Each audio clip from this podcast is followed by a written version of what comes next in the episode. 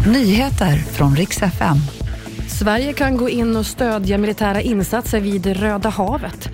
Och Det ska bli enklare att köpa mat med kontanter, det föreslår regeringen.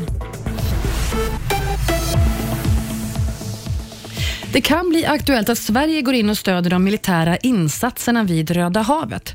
Ja, I natt inleddes alltså ett stort militärt angrepp. USA och Storbritannien var det som angrep Houthi-rebellerna i Jemen.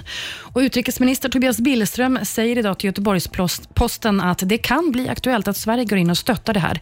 Exakt hur ett sådant stöd skulle se ut får man däremot återkomma till. Houthi-rörelsen i Jemen de har lovat omedelbar hämnd efter nattens attack.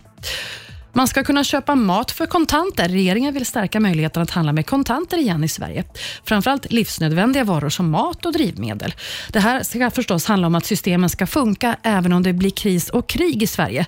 Men det handlar också om att inte stänga ute någon, till exempel pensionärer, personer som har svårt för koder och siffror, om att alla helt enkelt ska kunna handla mat. Till nyår då ska en utredning vara klar med ett förslag om detta. Så ska det handla om film. Det tog ju 36 år mellan den första Top Gun-filmen och dens uppföljare.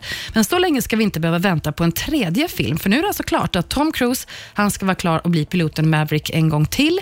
Inte känt exakt vad filmen ska handla om, men flera av skådespelarna från tvåan ska dyka upp igen. Och Det var nyheterna. Jag heter Maria Granström.